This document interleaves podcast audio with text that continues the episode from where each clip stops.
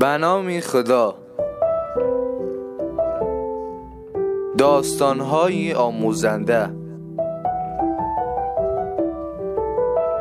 چگونه به نامحرم نگاه نکرد؟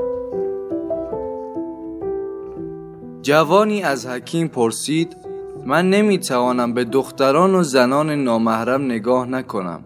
چه کار کنم؟ حکیم کاسه سفالین پر از شیر به دستش داد و گفت این کاسه را در ده دقیقه سالم به خانه فلان نیازمند ببر و باید سعی کنی که ذره ای از شیر از کاسه بیرون نریزد و برگرد تا راهنماییت کنم.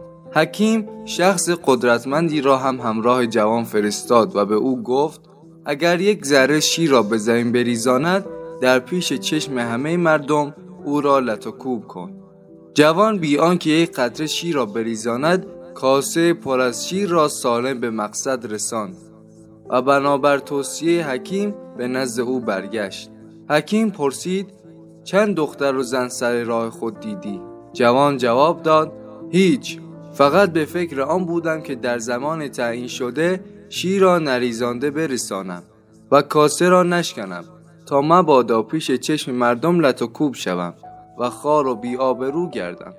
البته برای گرفتن راهنمایی شما هم شتاب داشتم. حکیم گفت این حکایت مؤمن است که همیشه خدا و فرشتگان معمور نوشتن و ثبت عملهایش را بر کارهایش حاضر و ناظر می بیند و در طول عمر خود احتیاط می کند که ایمان و عملهای شایستهش را از بین نبرد و وظیفهش را درست و سر وقت انجام دهد تا گرفتار عذاب خار کننده نزد همگان و محروم از پاداش و سعادت نشود.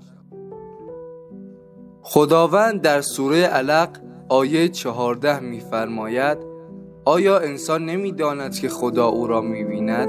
آیا انسان نمی‌داند که خدا او را می‌بیند؟